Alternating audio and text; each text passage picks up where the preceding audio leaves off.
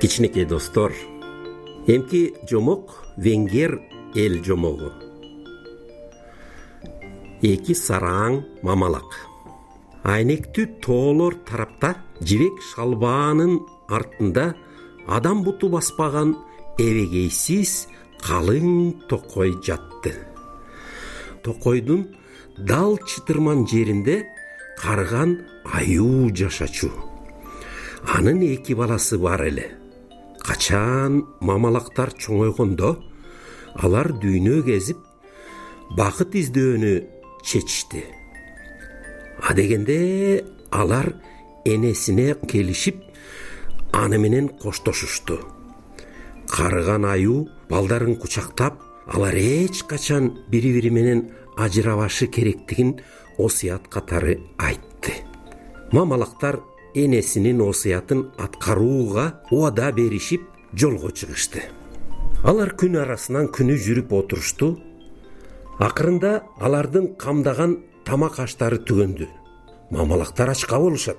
Баштарын шылкыйтышып алар катар жүрүп отурушту эх байке менин тамак жегим келип жатат деп даттанды кичүүсү.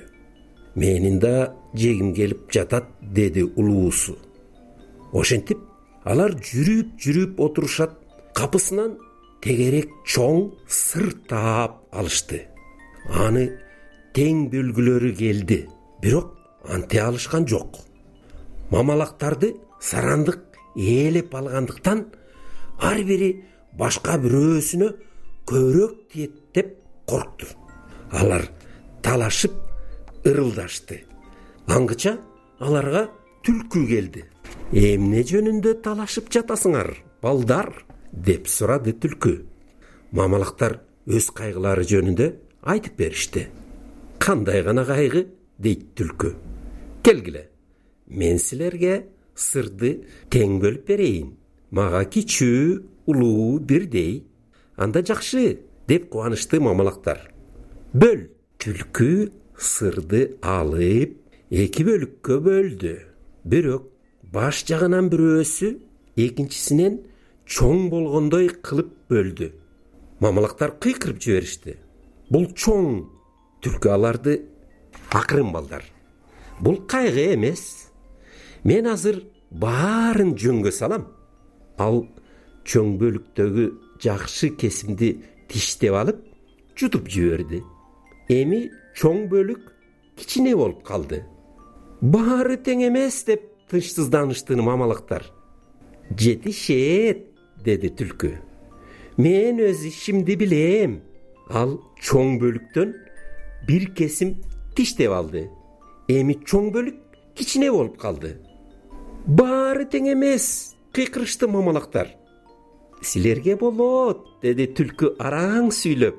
Анткени оозу толтура таттуу сыр болчу. Дагы бир аз анан силерге тепе тең болот. Түлкү сырды бөлүүнү улантты.